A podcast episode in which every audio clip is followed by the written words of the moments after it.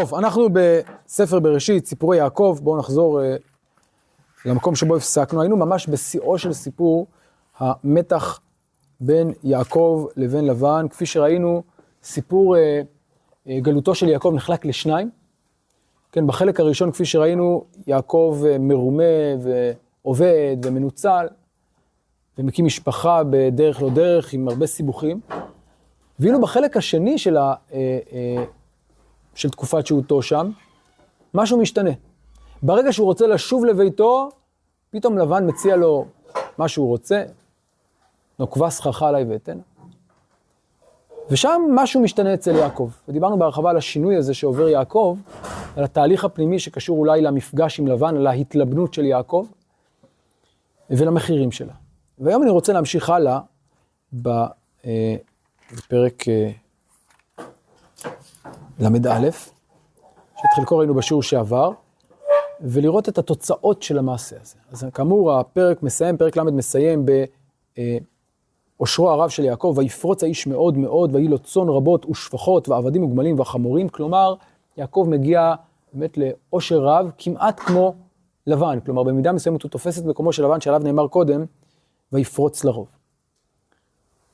אבל ההתעשרות הזאת של יעקב, היא לצנינים בעיני לבן ובניו, ויש לה מחירים. ועל המחירים האלה אני רוצה עכשיו להרחיב את הדיבור. אז בואו נחזור לפרק ל"א, פסוק א'. וישמע את דברי בני לבן לאמור. לקח יעקב את כל אשר לאבינו, מאשר לאבינו עשה את כל הכבוד הזה. וירא יעקב את פני לבן, והנה איננו עמו כתמול שלשום. ויאמר אדוני ליעקב, שוב אל ארץ אבותיך ולמולדתך, ואהיה עמך. וישלח יעקב ויקרא לרחל וללאה השדה אל צונו, ויאמר להן, רואה אנוכי את פני אביכן, כי איננו אלי כתמול שלשום. ולא אבי היה עמדי. ואתנה ידעתן כי בכל כוחי עבדתי את אביכן. ואביכן הטל בי והחליף את משכורתי עשרת מונים, ולא נתנו אלוהים להרע עמדי. אם כה יאמר, נקודים יהיה שכריך וילדו כל הצאן, נקודים. ואם כה יאמר, עקודים יהיה שכריך וילדו כל הצאן, עקודים. ויצל אלוהים את מקנה אביכם ויתן לי.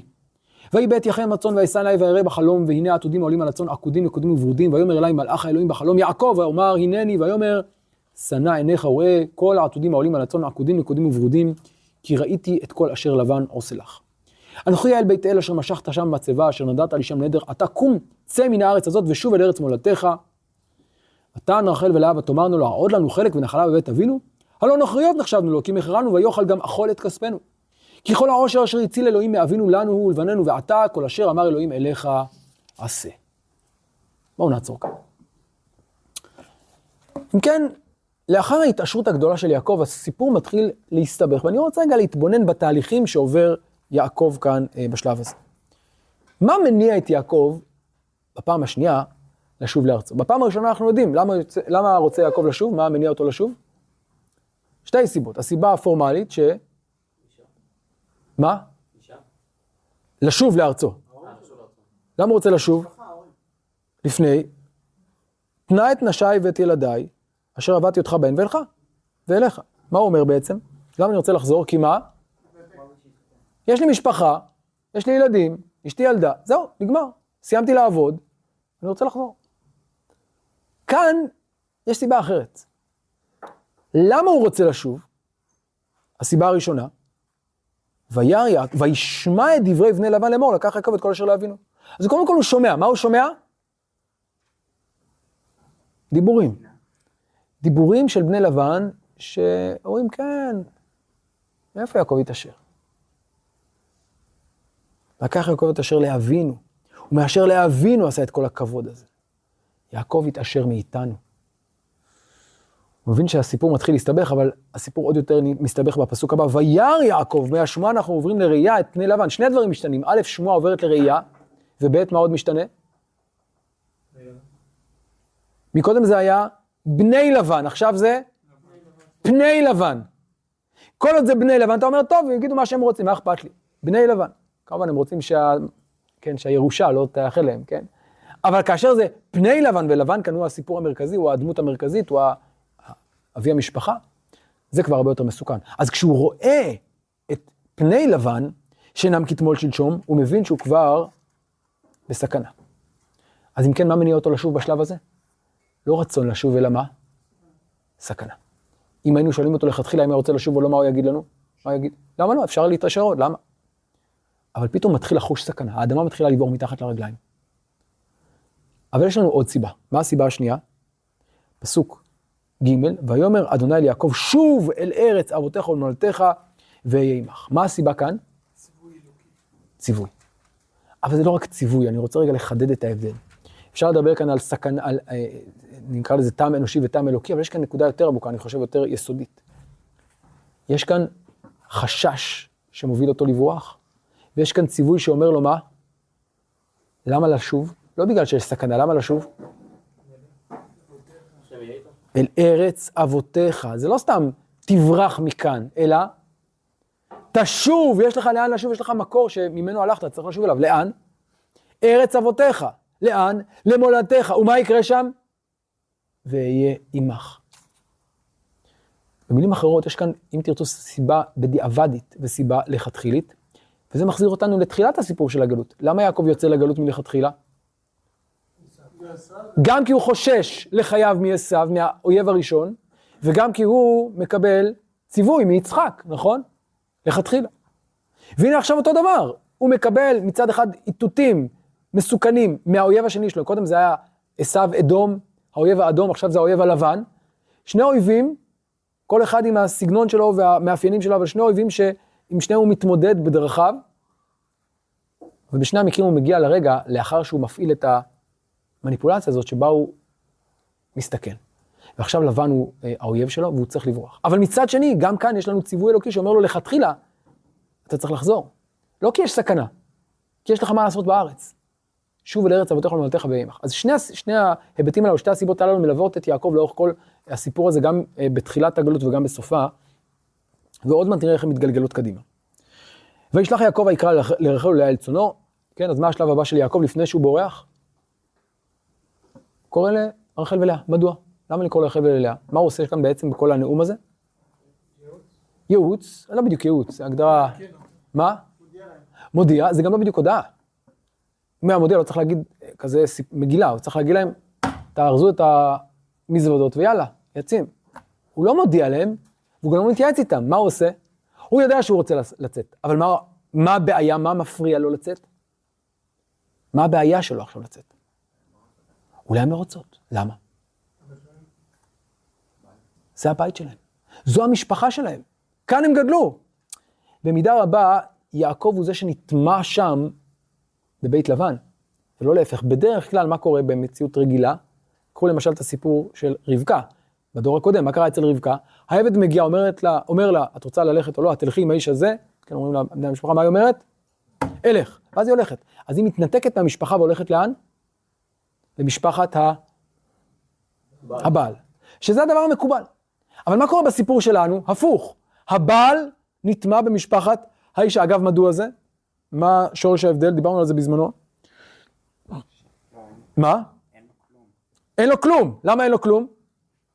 כי הוא ברח. אז בניגוד לעבד שמביא עשרה גמלים מגמלי אדוניו, וכל טוב אדוניו בידו, ליעקב אין כלום, ולכן אין לו מה להביא. ולכן הוא נטמע שם והוא עובד שם, ובזכות עבודתו הוא מקבל את האפשרות להתחתן ועוד. אבל זה הרגע שאומר להם, אני מבקש מכם, בואו איתי.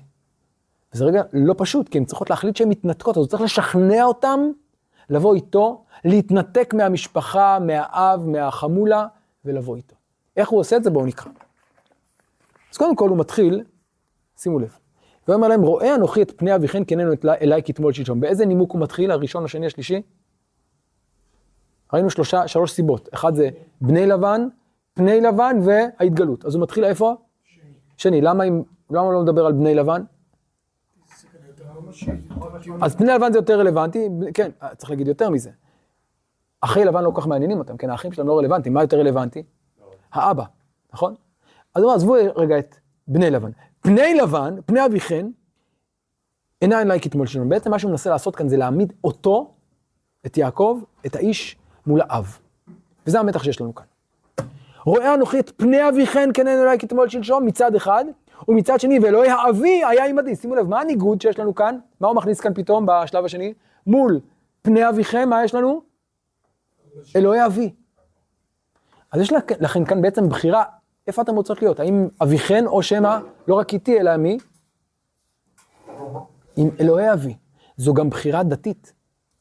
לאיזה עולם אתם משתייכות? הרי מה אמר לו הקדוש ברוך הוא, ואהיה עמך? מה אומר יעקב? היה עמדי. אז זו החלטה בין משפחה, לא בין אבא לבעל, אלא בין האבא ועולמו התרבותי לביני, לבין האלוהים שלי.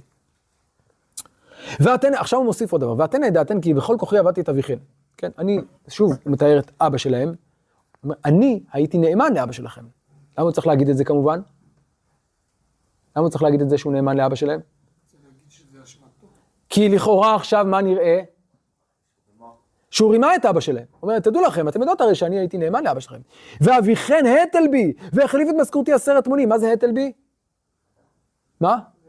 רימה אותי. כן, להתל פירושו לשקר, לרמות. להגיד משהו שהוא לא, אה, אה, לא מה שאתה באמת מתכוון. אה, נגיד שהמילה להתל בלשון מקרא, זו משמעותה, בלשון העברית המודרנית יש לה משמעות אחרת, נכון? היתולי. מה זה היתולי? משהו כזה בצחוק. אה, לדעתי זה מגיע, המקור של המובן הזה מגיע מעוד הקשר שבו מופיעה המילה הזאת, זה בספר מלכים, בסיפור אליהו בהר הכרמל. מה קורה שם, אתם זוכרים, עם הנביא הבעל, מה אומר? ויהתל בהם אליהו, ומה אומר להם? אולי האלוהים שלכם, מה איתו? אולי הוא ישן. אז כולם מבינים שמה זה ויהתל? עושה בהם, עושה מהם צחוק כאילו. אבל האמת היא שכנראה הפירוש הוא כזה, ויתל בהם הכוונה, הוא אומר להם שקר, הוא אומר משהו שלא מתכוון אליו. למה צריך להגיד לנו את זה? כי הוא אומר, אולי הוא ישן ויקץ. רגע, יעלה על דעתך שאליהו באמת חושב שאולי הוא ישן ויקץ, אז התורה, התנ"ך אומר לנו, תדעו לכם, שהוא אומר את זה עכשיו, הוא לא באמת מתכוון לזה, כן? סגור סוגריים, אז להתל זה להגיד משהו שאתה לא עומד מאחוריו, זה מה שעושה לבן. הוא אומר משהו, אבל הוא לא עומד מאחוריו, הוא אומר אני אביא לך את זאת, אבל הוא לא עומד מאחורי זה, הוא מהתל, הוא אומר משהו והוא מתכוון להיפוכו. והחליף את משכורתי עשרת מונים, אבל שוב, מי עומד מול אביכן? אלוהים, לא נתנו אלוהים להרע עמדי. אם כה יאמר נקודים שכרך וידעו כל הצער נקודים. ואני לא אכנס כרגע להשוואה שדיברנו בשיעור שעבר בין זה לבין הסיפור הקודם. ויצא אלוהים את מקנה אביכם ויתן לי, שימו לב, שורה תחתונה, למה זכיתי במקנה? לא מכוחי, אלא מכוח מה? הקדוש ברוך הוא, ויצל, שימו לב ללשון הזאת, ויצל. אגב, מה זה ויצל? הוא כאילו, הציל. מה זאת אומרת להציל? זה מגיע לי. הוא הציל את זה בשבילי, זה מגיע לי. למה? כי בעצם, אני עבדתי קשה, בכל כוחי, והוא רימה אותי כל פעם. אז מה עשה הקדוש ברוך הוא בעצם? הוא גרם לכך שאני אקבל את משכורתי הראויה. איך אני אקבל את המשכורת הראויה? בדרך המלך אי אפשר. אז איך קיבלתי את המשכורת הראויה לי? במניפולציה. זה הוויצל, כלומר בדרך ישרה אי אפשר. ולכן, אז שוב, אני לא נכנס כרגע לשאלה מה הקשר בדיוק בין זה לבין התיאור שראינו בפרק הקודם, אבל אומר להם, נכון שהייתה כאן סוג של מניפולציה, אבל צריך להבין שזו הייתה הדרך היחידה שבה יכלתי לקבל את השכר שבאמת מגיע לי. ויצל, לכן צריך לדבר על הצלה. ויהי בעת יחי מצון וכולי וכולי, אני כרגע אה, אה, אה, מדלג על התיאור הזה של החלום, ראינו בשיעור שעבר, אבל הפסוק המרכזי, פסוק י"ג, אנוכי האל בית אל, אשר משכת שם מצבה, אשר נדרת לי שם נדר, אתה קום, צא מן הארץ הזאת ושוב אל ארץ מולדתך. וכאן מה הוא מוסיף שוב? את הטעם, לא רק את הנימוק הפרקטי, אלא את הנימוק, נקרא לו הלכתחילי, שאומר, יש לך ייעוד, יש לך נדר, יש לך מצבה, יש לך התחייבות, אתה צריך לצאת מהארץ ולשוב לארץ מולדתך, יש לך סיבה חיובית. אז שוב, הוא מציג להם את שני הצדדים, את הצד, הצד השלילי שאומר, אבא שלכם הוא לא כמו שהוא נראה, הוא רמאי, הוא רימה אותי, ולכן מה שנראה לכם כרמאות שלי זה בעצם התגובה היחידה האפשרית כדי להציל את המקנה, כדי לקבל את השכר שמגיע לי. ושנית, הוא מציג גם את הצד הלכתחילי, האידאי, שאומר, יש לי גם ייעוד, יש לי שליחות, אתם רוצות להצטרף אליי, לממש את המחויבות, את השליחות, את הנדר, את המצבה? כן או לא? זאת השאלה. אגב, למה הוא עושה את זה בשדה? שלא יראו, כי זה סוד, כי זה דבר נסתר. וכאן מגיעה התשובה המעניינת של הנשים, ותען רחל ולאה ותאמרנה לו. אגב, זה מעניין שכאן רחל ולאה פועלות יחד. עד כה איך ראינו את רחל ולאה? במאבקים, פתאום שתיהן עומדות ביחד ואומרות כך. הלא, אה, אה, העוד לנו חלק ונחלה בבית אבינו? הלא נוכריות נחשבנו לו. כי מכרנו ויאכל גם אכול את כספנו. כי כל העושר אשר יוצא אלוהים מאבינו, לנו ולבננו. ועתה, כל אשר אמר אלוהים אליך עשה. שימו לב, גם הן משתמשות בשני נימוקים, אבל מה הנימוק המרכזי שהן משתמשות בו? לא בדיוק מה שאומר יעקב, אבל דומה. מה הן בעצם אומרות? אתה חושב שיש לנו קונפליקט בין המחויבות לאבא לבין המחויבות לבעל? לא, אין לנו בכלל קונפליקט. למה? כי האבא הזה הוא לא באמת אבא.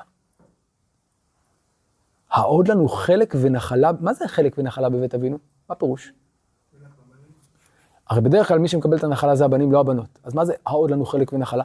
אז אפשר לדבר על זה כסוג של אה, משל, שאומר, אה, כמו, אין לנו חלק בדוד ולא נחלה בבן ישי. כלומר, אנחנו מנתקים קשר.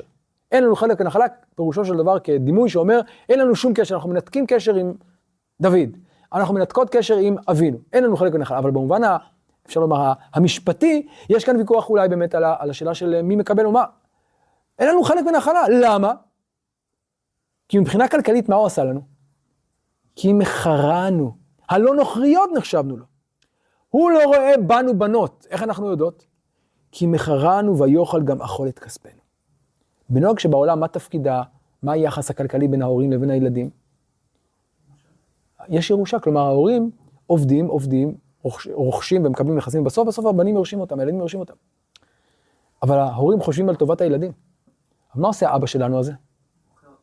הפוך. הוא מנצל אותנו בשביל שלא יהיה כסף. כלומר, איך הוא מתייחס אלינו כאל מה? כאל נוחיות, לא כאל בנות. כאל חפצים, הוא סוחר בנו, הוא ישתמש בנו ככלים, כדי לרמות, כדי להרוויח, כדי לעשות מניפולציה, הוא סחר בנו.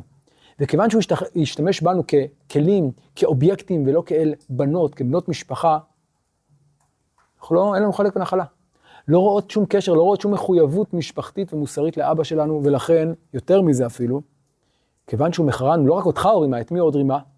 אותנו. וכאן אפשר לשמוע גם את הכאב, כי מכרנו. כן, הרי כל המאבק הפנימי בין רחל לבין לאה, בין שתי האחיות, ממה הוא נובע? בסוף בסוף, מאיפה הוא הגיע? מלבן. לבן עשה כאן את המניפולציה הזאת, נתן את לאה ואחרי זה את רחל, וכל הקונפליקט המשפחתי שממרר את חייהם, שהפך את שתי האחיות הללו ליריבות, ממה הוא נובע? מתאוות הבצע של לבן. ולכן הן אומרות, כל העושר, אנחנו איתך לגמרי. אין לנו שום בעיה במה שהרווחת, כל מה שהרווחת, לא רק לך זה מגיע, למי זה עוד מגיע? אתה דיברת על זה שזה מגיע לך, כי אתה עבדת קשה. אבל זה לא מגיע רק לך, למי זה עוד מגיע? לנו ולבננו. אתה כעובד, אבל אנחנו כמה? כבנות משפחה שניצלו אותם. אז בעצם הנקמה שלנו, אפשר לומר, התגובה היא בעצם, מה שאתה קיבלת, מבחינתנו זה לגמרי שייך לנו, אנחנו לא רואות בזה שום בעיה, להפך, זה תמורה מינימלית על הניצול הנורא שהיה לנו. וכל מה שאמר אלוהים מלך עשה אין לנו בעיה, כן, אבל זה לא הנקודה, רואים שזה העניין השולי כאן. אמר, לא אמר, מבחינתנו, אנחנו איתך לגמרי, אנחנו מרגישות מנוכרות. הוא התנכר אלינו, אנחנו מתנכרות בחזרה, אין לנו מה לעשות כאן. אז אם כן, רחל ולאה מזהות עם המהלך של יעקב ורוצות לצאת. וכאן מגיע השלב של היציאה.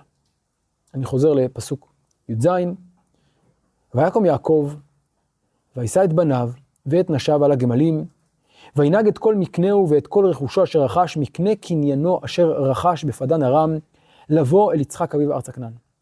ולבן הלך לגזוז את צונו, ותגנוב רחל את הטרפים אשר לאביה, ויגנוב יעקב את לב לבן הארמי על בלי יגיד לו כי בורח הוא, ויברח הוא וכל אשר לו, ויעקב יעבור את הנהר, וישם את פניו הר גלעד. הר גלעד, כן. נעצור רגע כאן. אם כן, יעקב מקבל את האישור שלהם ומחליט לצאת. אבל כאן קורה דבר מעניין וקצת מוזר. בואו נקרא רגע את התיאור הזה באופן הדרגתי. תחילה מה עושה יעקב כדי לצאת? כן, מתארגן, נושא את בניו ואת נשיו על הגמלים, ומה הוא עושה? פסוק י"ח, נוהג את מקנהו, כלומר מתחיל במסע, לאן המסע? לאן הוא רוצה ללכת? אל יצחק, יפה. אבל, אז איפה הוא עכשיו נמצא בסוף פסוק י"ח? במסע. אבל הנה בפסוק י"ט, ולבן הלך לגזוז את צונו, ותגנוב רחל את הטרפים, ויגנוב יעקב את לב לבן, ויברחו בכל אשר לו, ויעקב יעבור את ה... רגע, אז מתי הוא יצא? עכשיו או מקודם? למה וינהג זה יצא דווקא? לנהוג זה... זה... לא, כאילו. לא, לא, לא, לנהוג זה לנוע. וינהג את הצאן אחר המדבר. כן, לנהוג זה הכוונה אה, לנוע, עם כל, לנהל את הצאן בצורה, או לנהל את השיירה בצורה מאורגנת, במסע. כלומר, בסוף פסוק י"ח, יעקב נמצא במסע ארץ הכנען. אז זהו, צריך, מה יהיה השלב הבא? שהוא מגיע לארץ כנען. אבל פתאום אנחנו חוזרים אחורה, ומה כתוב לנו? שהוא בורח, ושרחל גונבת. רגע, מתי גנבה את הטרפים? אחרי שהם יצאו לדרך, ברור שזה היה לפני. ויברחו, מה קורה פה? משהו מאוד מוזר.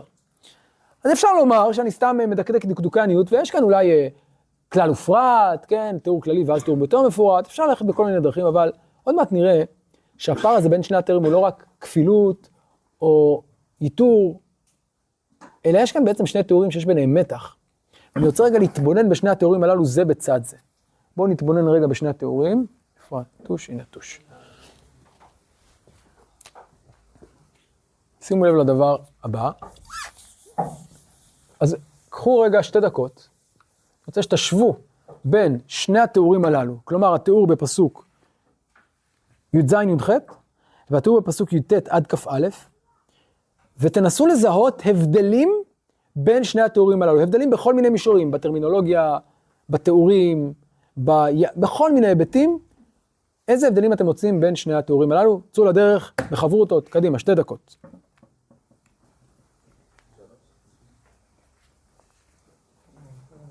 בסדר? קדימה, קדימה, אפשר להתחיל, חברותות, צאו לדרך. מה? הפסוק הראשון, החלק הראשון זה י"ז-י"ח, החלק השני זה י"ט עד כ"א.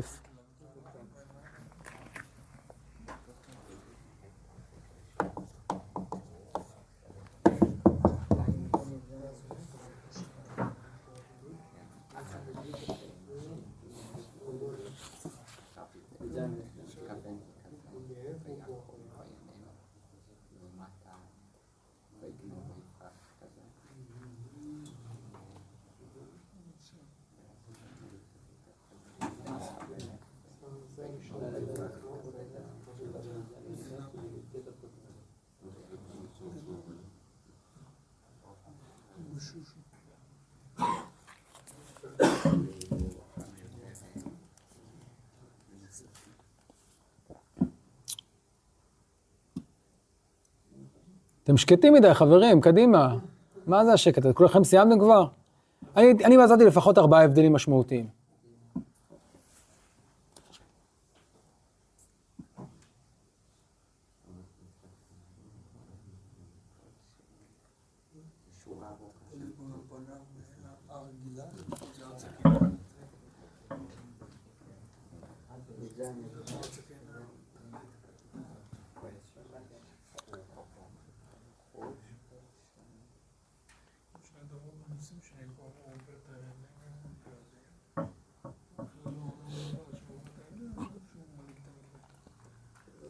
טוב, קדימה, אני רואה שאתם פחות... אה. קדימה, יאללה, תתעוררו.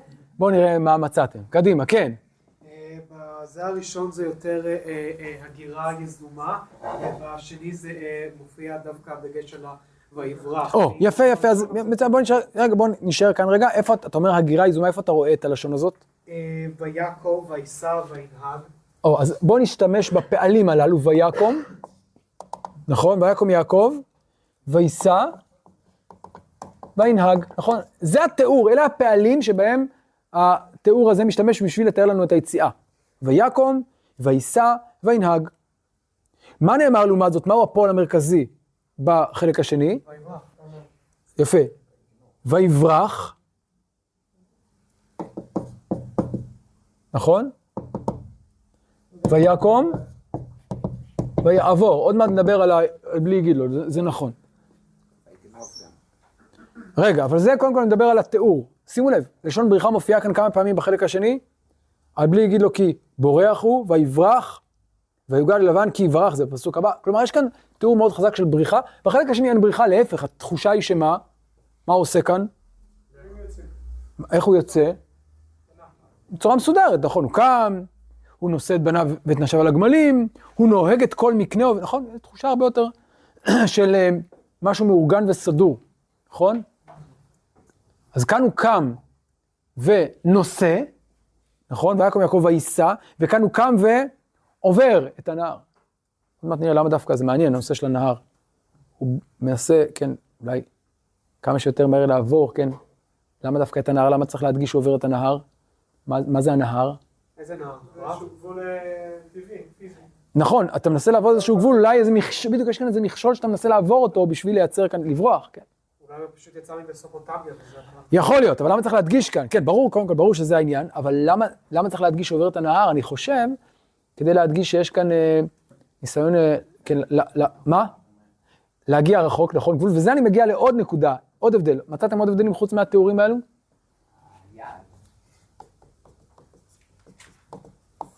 יעד, יפה, מה היעד? יותר רחב?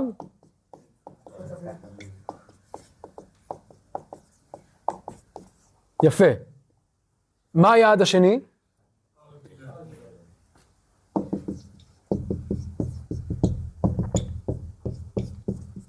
קצת מוזר, נכון? אם הוא נוסע ל, ליצחק, מה פירוש להר גלעד? למה הוא הולך להר גלעד? מה יש לו בהר גלעד? מה הוא איבד שם?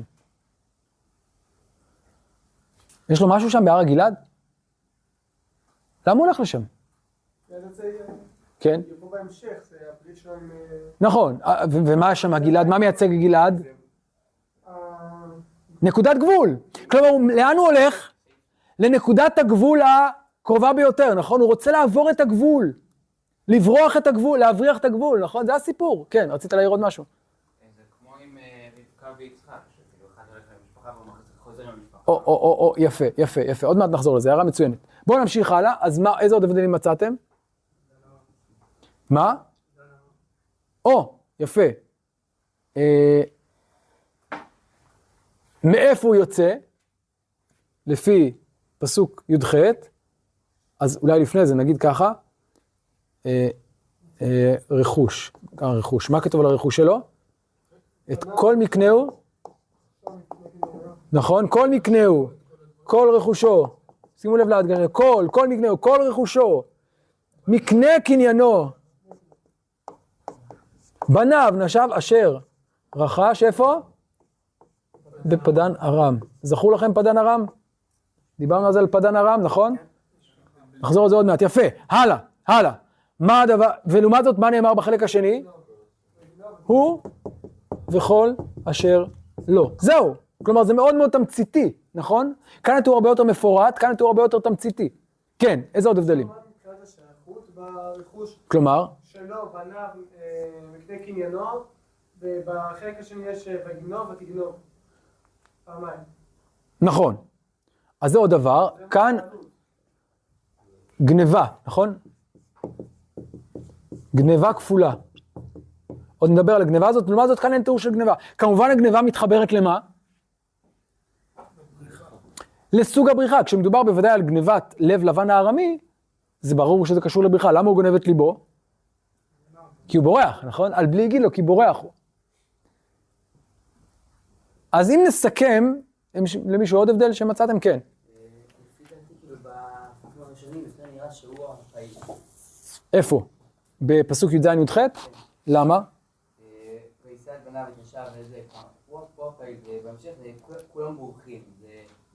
הוא, אה. אוקיי. אתה אומר, אולי, איפה אתה רואה שלא כולם, בור- שכולם בורחים? אז אולי לגבי רחל, שגם רחל שותפה. זה. כן, אבל הוא וכל אשר לא, זה... אתה אומר, זה לא שהוא לוקח, זה מעניין, אוקיי, זה הערה יפה. אתה אומר, אה, ויברך הוא וכל אשר לו, שזה לא שהוא לוקח את כל אשר לו, אלא הוא וכל אשר לא בורחים, כן? אה, כלומר, אולי ביחד גם עם רחל ולאה, נכון? וזה מתחבר עם מה שאמרנו קודם, שיש כאן גניבה גם של רחל, כלומר, גם רחל באיזשהו מובן שותפה בבריחה. לעומת זאת, בחלק הראשון מי נמצא במרכז? הוא, הוא לוקח את בניו, הוא לוקח את אשתו, הוא לוקח את מקנהו, את קניינו, לבוא ליצחק אביו, כן? הוא חוזר ליצחק אביו. יעקב חוזר ליצחק, בחלק השני הוא בורח, אבל הוא לא בורח לבד, הוא בורח יחד עם רחל, גם רחל שותפה, כולם, כולם שותפים בבריחה הזאת, יפה.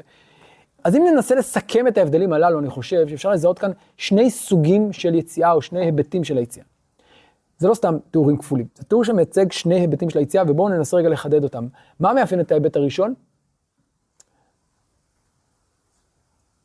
מה, מה, מה הסיפור? הייתי אומר, וזה אולי ימצה את כל הדבר, השיבה למולדת. על כל המובנים שלה, נכון? מה עושה יעקב? הוא עוזב את פדן ארם, למה? מה זה פדן ארם, אני מזכיר? זה הייצוג של המקום שאליו הוא הולך כדי להקים משפחה במצוות יצחק אביו. יצחק אביו אומר, קום, לך, פדנה ארם, וכך אישה וכולי, בנות, בתואל, מ- אה, אה, מבנות לבן אחי אמך, נכון? זה מה שהוא עושה, הוא קם והולך. וילך פדנה ארם. אז זה מה שהוא עושה. ועכשיו הוא סיים, יש לו נשים, יש לו ילדים, יש לו רכוש, הוא רכש בפדן ארם, הגיע הזמן לשוב, לאן לשוב? אל יצחק אביו, ארצה כנען. לכן הוא חוזר עם כל המקנה, כל הרכוש, אשר רכש בפדן ארם, ושב לשם. יעקב במרכז, יעקב שהשלים את התהליך, השלים את הציווי, השלים את הייעוד, שב עכשיו לארצו עם כל מה שהוא רכש בפדן ארם. זה התיאור הראשון, אין בו שום בריחה, שום גניבה, שום כלום. כן, אם אני יכול להוסיף עוד משהו, אה, גם בתור השיבה, כשהוא מפרט כל מקנהו, כל רכושו, זה גם די אה, מסתדר עם הברכה שיצחק הביא לו, שהוא יקבל את ברכת אברהם. אברהם היה עשיר והיה כבד מאוד, ולכן אפשר להגיד שגם איפה שדווקא כתוב פדן ארם, ואיפה שזה דווקא שיבה על המולדת ולא בריחה, זה מפרט יותר על מה שיש לו, בגלל שכביכול הוא קיבל את הברכה של אברהם שם. זאת אומרת, בר- ברכת אברהם גם במובן הרחב של, המקנה, ולא רק במובן של הארץ. כן. כן, יפה, נכון, אני מסכים, זו הערה יפה. אמ, אז זה התיאור הראשון. אבל התיאור השני הוא לא שיבה. מה המוקד של התיאור השני? בריחה מלבן. ושימו לב שבחלק הראשון לבן בכלל לא נזכר.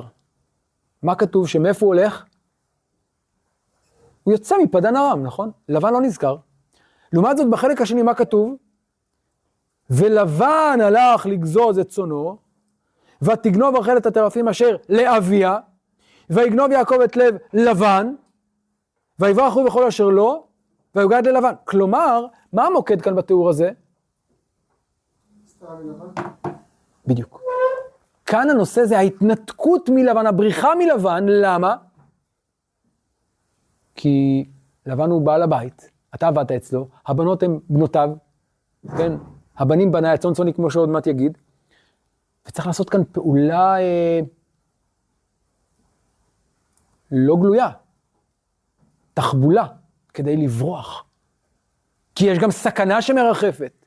כי פני לבן אינן כתמול שלשום, אז מה צריך לעשות בשביל זה? לברוח. איך בורחים? מניפולציה. ויגנוב יעקב את לבן, הוא לא מגלה. איך עוד בורחים? קמים ועוברים את הנהר. לאן בורחים?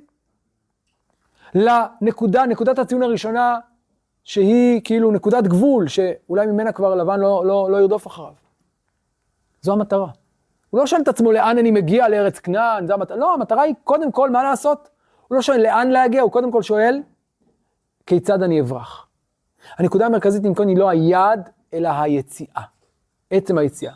וכאן זה בדיוק הפוך, כאן המטרה העיקרית היא היעד. שתי נקודות מבט שונות לגמרי, וזה מתחבר כמובן למה? לשתי הסיבות שהניעו אותו לצאת. הלכתחילה והבדיעבד. כמו שתי הסיבות שהניעו אותו להגיע לגלות. אז זה הצד הראשון של הייעוד, של השליחות, של ברכת יצחק, ברכת אברהם. וזה הסיפור הבדיעבדי, שבעקבות הניסיון להתעשר, בעקבות כל הסיפור של ה...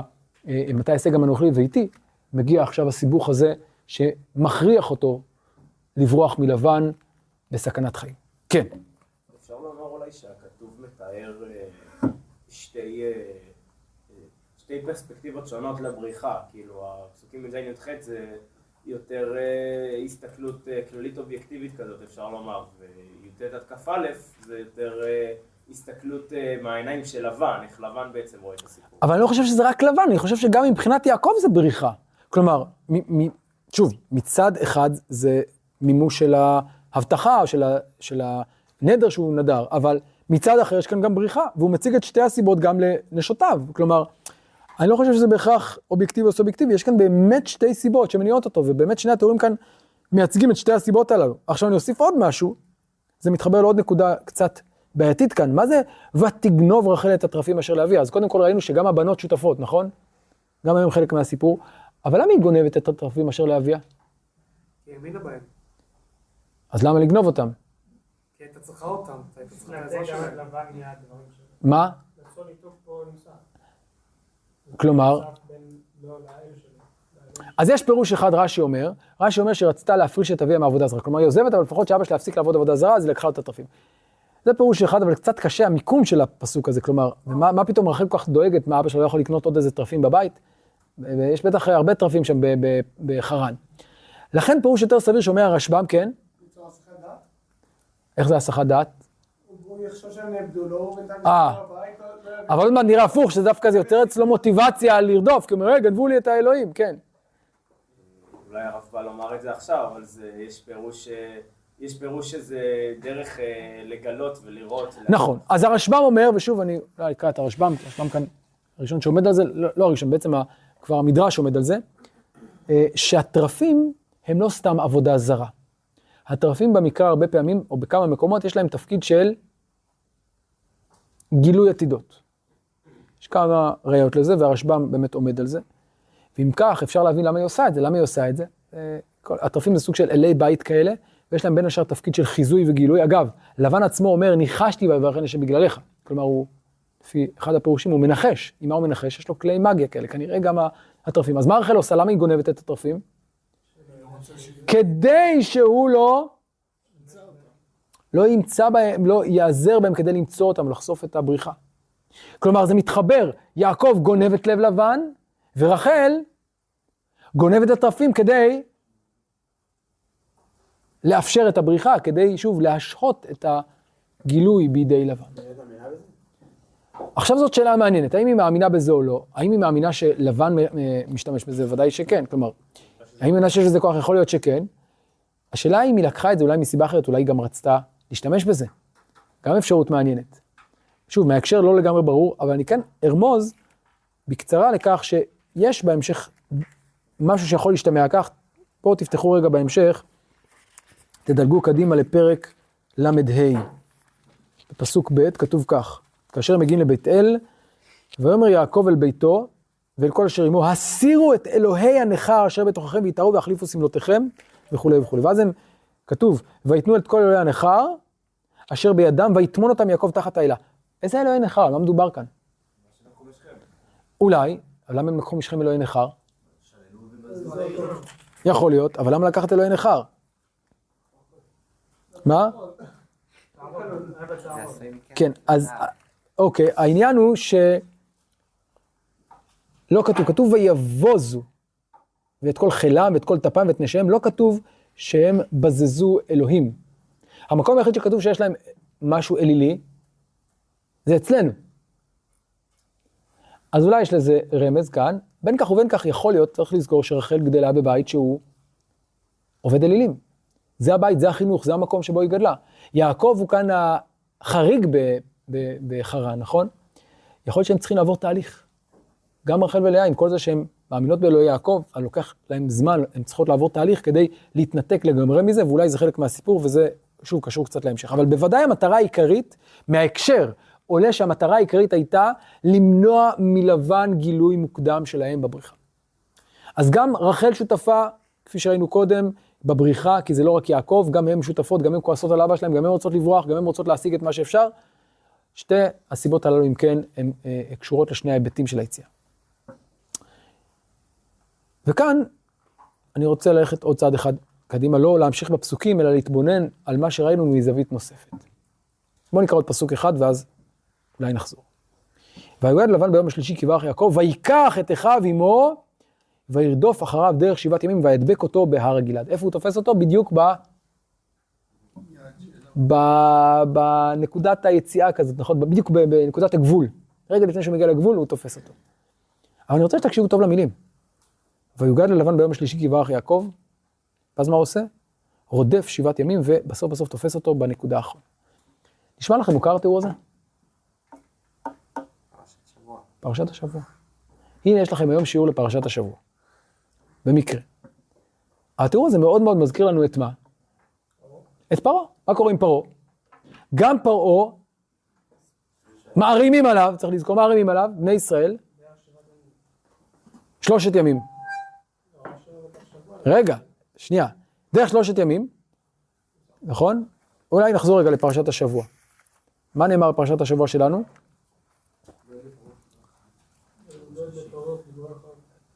ויוגד, ממש כמו אצלנו, ויוגד ללבן, מה? כי?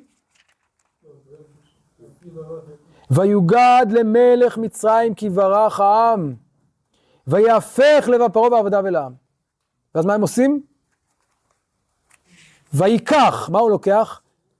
600 רכב בחור, ו... וירדוף אחרי בני ישראל. לפי חז"ל, מתי זה קורה? שלושה ימים הולכים, שלושה ימים אה, אה, עד שמגלים, ואז מתי תופסים אותם? באיזה יום? שוב, זה מדרש, אבל זה מאוד מסתדר, וזה כמובן מתאים למה שכתוב כאן, שמתי הוא תופס אותו? ביום השביעי.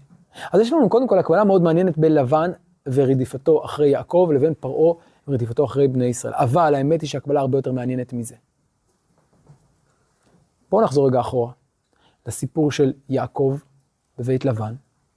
בואו ננסה לחשוב האם יש עוד קווי דמיון בין שני הסיפורים הללו. רמז, יש, והרבה. כן, אה, אחד שעלה לי ישר לראש, העניין של העבודה, יעקב בהתחלה ירד כדי להיות אה, אה, קרוב משפחה, כמו שבסיפור תורני של, של מצרים, יעקב, אה, המשפחה שלו ירדו עם יוסף למשפחה, ואחר כך עבדו או, עבודה קשה. או, או, או, יפה. אז בואו נתחיל בזה שיש לנו כאן, בשני המקרים, אנשים שעוזבים את מולדתם, נכון? אם זה יוסף, יעקב, או עם ישראל ויעקב, עוזבים את מולדתם לארץ זרה, נכון? כי יש להם מצוקה מסוימת. בתחילת הדרך מקבלים אותם? בסדר פנים יפות, נכון? מקבלים אותם, נותנים להם לאכול, הכל טוב. אבל עם הזמן מה קורה? מתחילים להפעיל מניפולציות ולשעבד אותם. לשעבד אותם, נכון?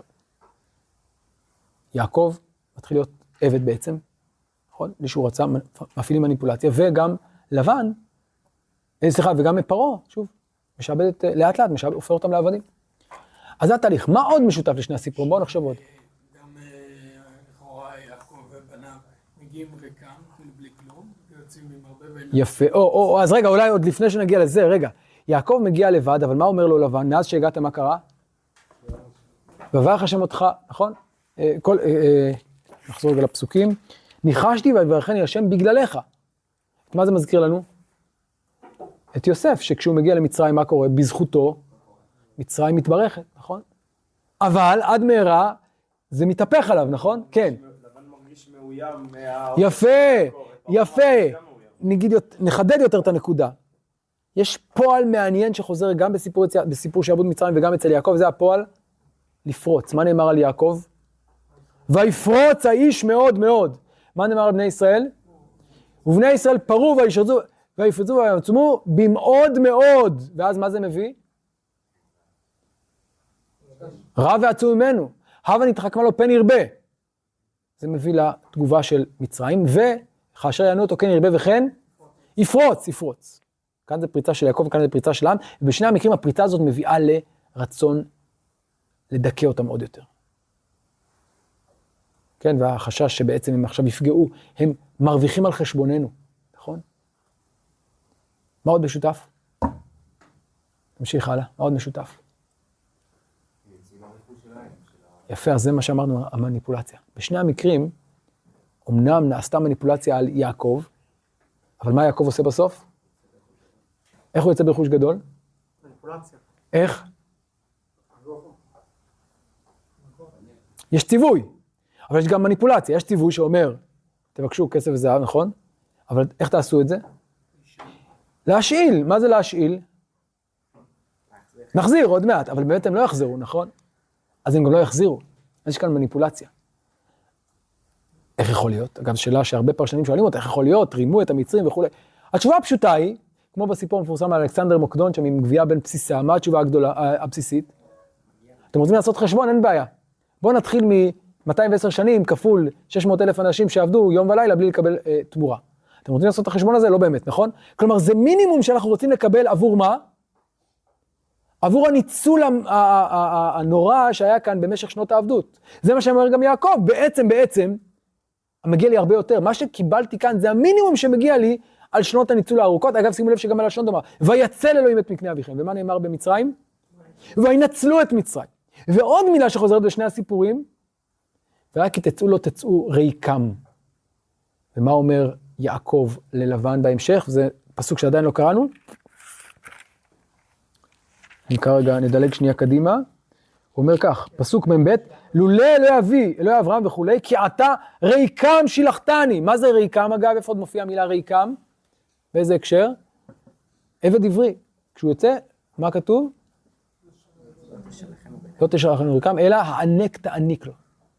אבל גם פרעה וגם לבן לא מעניקים שום דבר, שהם לא חייבים כמובן, ולהפך הם מנצלים, אז אין ברירה, צריך להעניק לעצמנו, בכוחות עצמנו, באמצעות ניצול. אז שוב שימו לב שאותו אירוע ממש באותם מילים חוזר פעמיים. כן, יש פה גם עניין של אה, רמאות.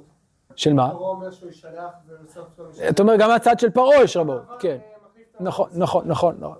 עשרת מונים, נכון, כן, מה עוד? אפשר להגיד גם שיש פה שתי סיבות מקבילות. כלומר, כי יעקב גם יורד כדי לראות את יוסף, מצד אחד מצד שני, וגם הוא בורח מהרעב.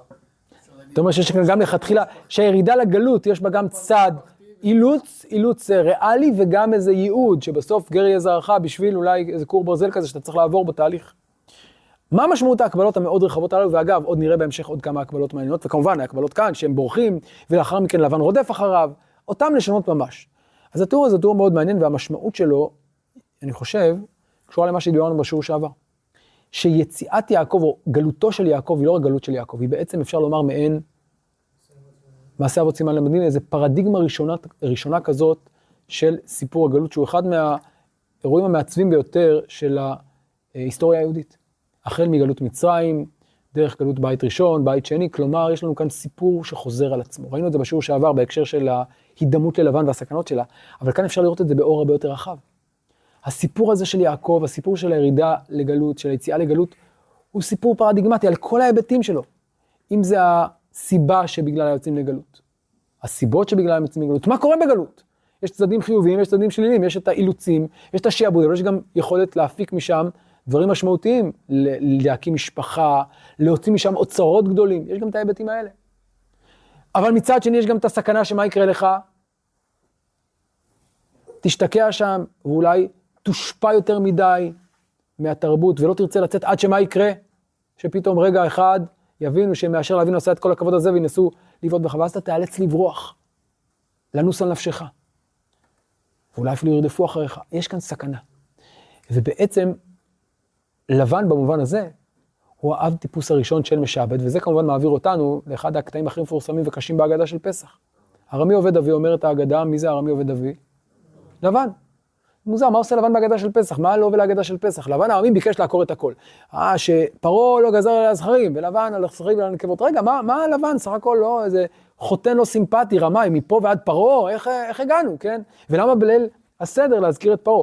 ויש, את לבן, סליחה, ולכאורה יש פירושים אחרים לארמי עובד אבי, למשל, הפירוש היותר מקובל הוא, על פי הפשט, חלק מהמפרשים אומרים, מה זה ארמי עובד אבי? אבי היה ארמי עובד, אבי דהיינו או יעקב או אברהם, יש כמה פירושים. אבל לאו דווקא שלבן ביקש להעביד את אבי. אז למה בכל זאת אומר המדרש כך? יכול להיות שהמדרש הזה מבוסס על ההקבלה, אגב, לעוד כמה הקבלות מעניינות, בין הסיפורים. כלומר, לבן הוא באמת, אפשר לומר, האב טיפוס הראשון של המשעבד, ופרעה רק הולך בעקבותיו. פרעה הוא כבר המימוש של הפרדיגמה הזאת. הוא לא הראשון. מי שמעצב את התבנית הזאת, המשעבד הראשון, שוב, זה אמנם לא עם, זה רק משפחה, אבל היסודות הללו נמצאים כבר אצל לבן. ארמי עובד אבי. והמאבק בגלות, וההתמודדות עם הגלות, והאתגרים של הגלות, והמורכבויות של הגלות, נחשפות לנו לראשונה בסיפורו של יעקב. ולפעמים כדי לצאת מן הגלות אתה חייב קצת לעשות מניפולציות. ואתה אולי צריך קצת להידמות כדי להתנתק. יש לזה גם מחירים. ואולי אתה לוקח מגל... מהגלות גם דברים שאתה לא כל כך רוצה, כמו למשל את התרפים. אלה הסיפורים, אלה המורכבויות, ובמובן הזה כאמור סיפור אה, גלותו של יעקב ובריחתו של יעקב זה מעין, שוב, תבנית יסוד ראשונית, שממנה אנחנו לומדים בכל הדורות את הסיפור של הגלות. בשיעור הבא נראה עוד כמה היבטים של ההקבלה הזאת ושל היציאה של יעקב, ונתמקד בעיקר בשיחה, בדיאלוג הקשה בינו לבין לבן, אה, וגם קצת ברחל והמשמעות של גניבת התרפים. להתראות.